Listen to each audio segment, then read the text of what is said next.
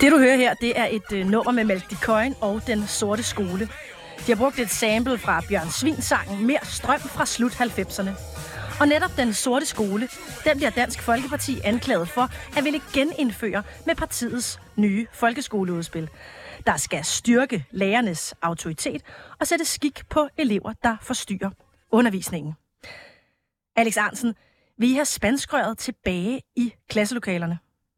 Nej, vil du? Det taler vi meget mere om lige om lidt.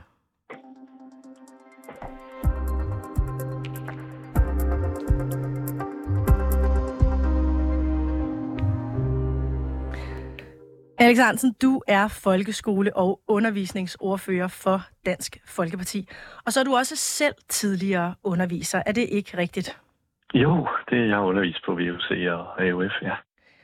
Hvad er egentlig det værste, du selv har oplevet fra unge i undervisningen? Ja, nu var det jo voksne mennesker, øh, så det er nok ikke helt sammenlignet. Men i unge. der har vi jo, der har vi jo så tre uh, uddannede skolelærer, nemlig uh, Mette Thiesen, Per Kofod og Mikkel Bjørn. Og Mette Thiesen har endda også været skoleleder, så vi er egentlig godt repræsenteret i gruppen.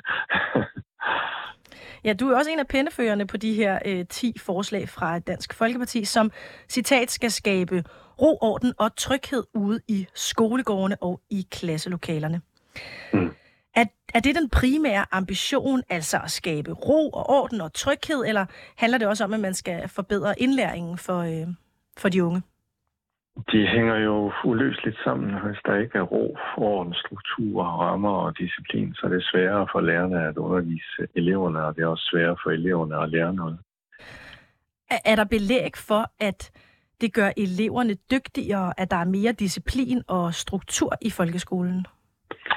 Ja, det går jo tit ud over de stille, artige børn, hvis der ikke er disse rammer, og, øh, og hvis der ikke er ro og orden. Vi ved, at der er mange elever, der klager over støj i klassen. Forældrene klager over det, og øh, lærerne er også øh, ked af det. Har I nogle konkrete eksempler på, at det står, øh, det står skidt til i, øh, i folkeskolen? Og ja, nu har jeg jo gennem de sidste 10 år forsøgt at skærpe ordensbekendtgørelsen, så der kom lidt mere ro og orden i folkeskolen. Og øh, de sidste, de sidste halve år øh, ulykkelige sager rundt omkring med de voldsomme historier øh, om vold og krænkelser, har jo egentlig bare aktualiseret det.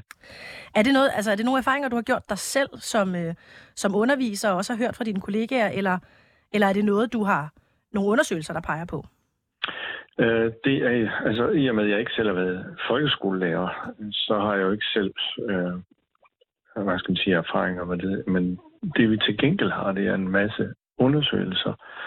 Øhm, vi ved fra undersøgelser, at volden mod læreren mod lærerne er stigende. Vi ved også, at volden øh, eleverne imellem er, er stigende. Og derfor forsøgte øh, den tidligere undervis- undervisningsminister Merita Risager, blandt andet i samarbejde med mig, at få lavet en plan øh, mod, øh, mod vold i skolen, og den var egentlig klar i 2019, og så kom valget, så den nye undervisningsminister, Pernille Rosenkrantz-Tegn, lagde den plan i skuffen desværre. Mm. Lad os prøve at kigge på nogle af de specifikke forslag, som I har i det her udspil. Punkt 6 i udspillet, det lyder således, at det skal være slut med at sende aben videre.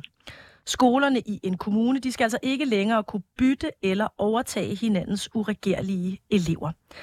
Samtidig står der i punkt 1, at voldelige elever de skal kunne bortvises, hvis de bliver ved med at ødelægge hverdagen og undervisningen for de andre elever og for lærerne.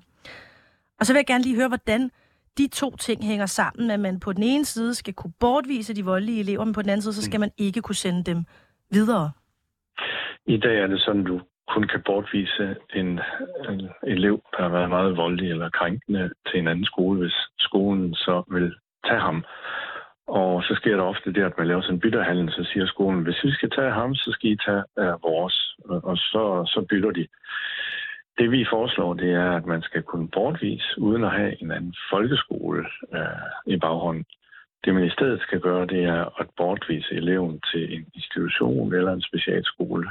Uh, så er det ikke længere skolens ansvar, men så er det de sociale myndigheders ansvar sammen med forældrene til, til krænkeren. Er det en, en, en god tilgang til et ungt menneske, som har overtrådt nogle regler, at de bliver sendt ud på en institution, der ikke er en skole? Det er desværre blevet nødvendigt, og jeg vil gerne understrege, at det skal jo være øh, i grove tilfælde, altså sådan tilfælde som fra Adrup øh, på Fyn og Borup Skole øh, i Køge Kommune, som vi har hørt om. Uh, vi men synes, men Alex Hansen, vi har undervisningspligt i Danmark, og som reglerne de er nu, så kan en elev jo ikke smides ud, som du selv siger, hvis en pågældende skole ikke har fundet et tilsvarende skoletilbud. Øh, og, og i samme, øh, det skal være i samme kommune, øh, som, som, øh, som, øh, som eleven øh, kommer fra. Hvis den her elev skal sendes hen, øh, uanset hvad, hvad, hvad vedkommende skulle have gjort, på en, en institution, der måske ikke har undervisningskompetencerne, lever vi så op til den undervisningspligt? Der er jo institutioner, som har skoletilbud allerede i dag, så de vil jo selvfølgelig leve op til det, hvis vi sender vedkommende derhen. Derudover er der også specialskoler, som man kan sende hen til, og dermed er, hvad skal man sige, allerede det opfyldt. Undervisningspligt betyder jo, at det er forældrene, der har ansvaret. Det vi gør i Danmark, det er, og det er grundlovssikret, er, at vi stiller et gratis skoletilbud til rådighed, og skoletilbud skal være gratis. Hvis en skolelærer så får mulighed for at bortvise en elev, så øh, kan man så øh, som forældre sende sammen med de sociale myndigheder eleven hen til et mm. specialundervisningstilbud eller en institution med et skoletilbud.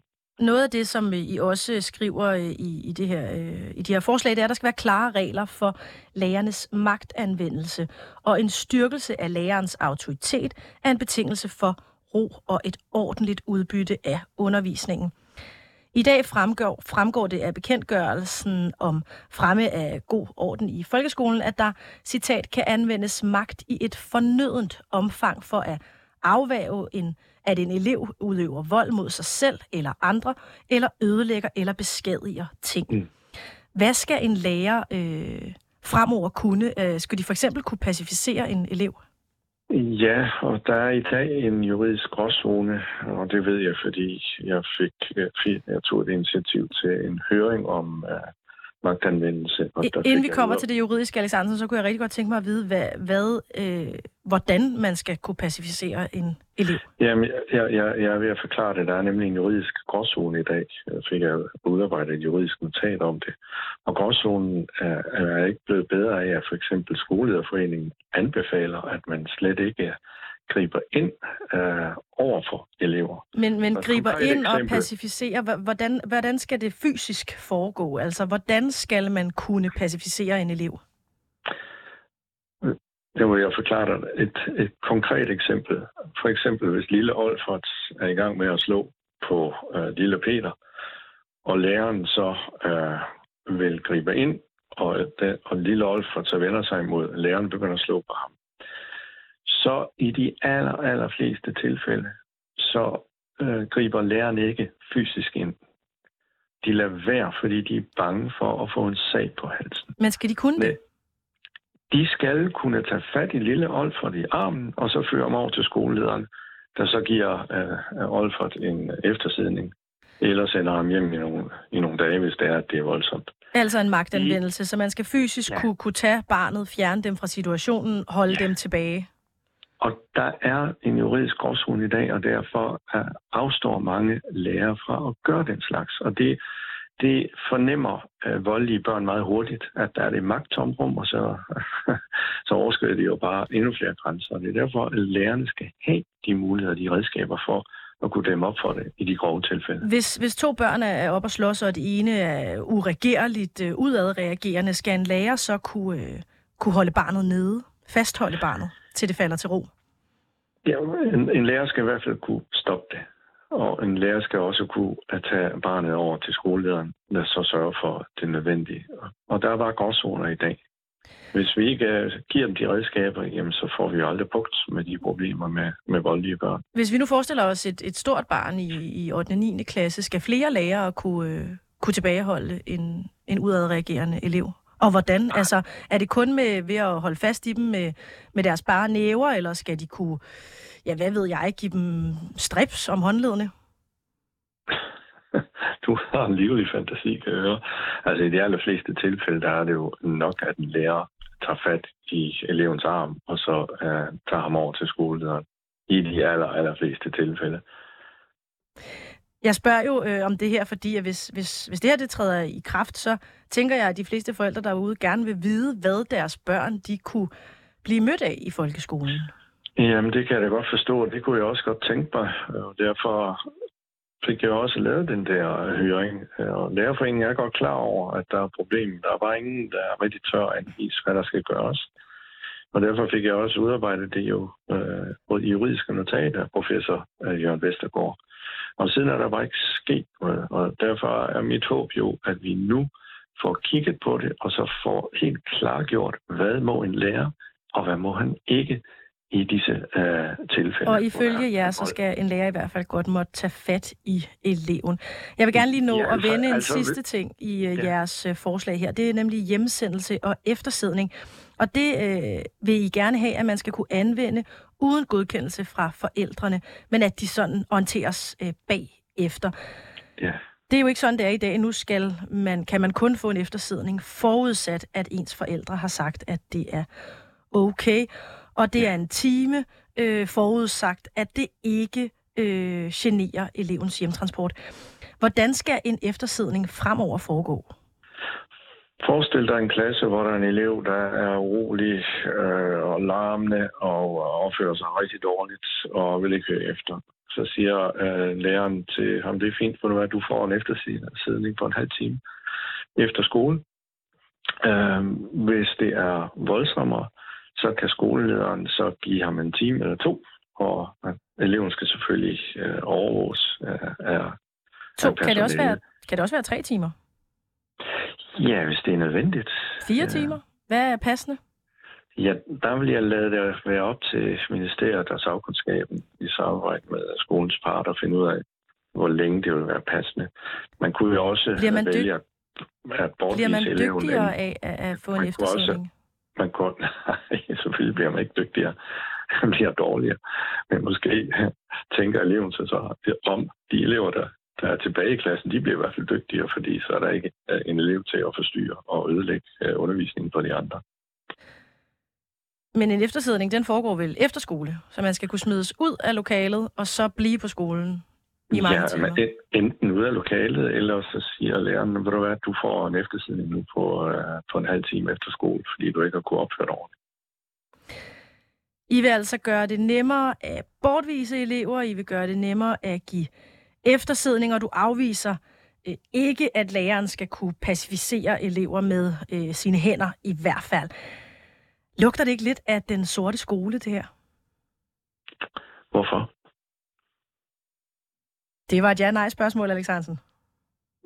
Nej, men du må forklare mig, hvorfor du synes, det her det er den sorte skole, og hvad du forstår ved den sorte skole. Jeg har desværre ikke tid til at nå at forklare det her, Alex, men jeg vil sige tusind tak, fordi at du uddybede, hvad I godt kunne tænke jer, at folkeskolen den skal være. Folkeskole- og undervisningsordfører for Dansk Folkeparti. Tak fordi du var med. Hej.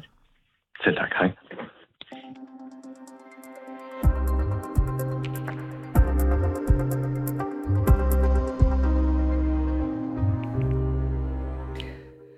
Udsendelsen her den var tilrettelagt af Jakob Pedersen. Molly Finger er producer, og Peter Svarts er redaktør.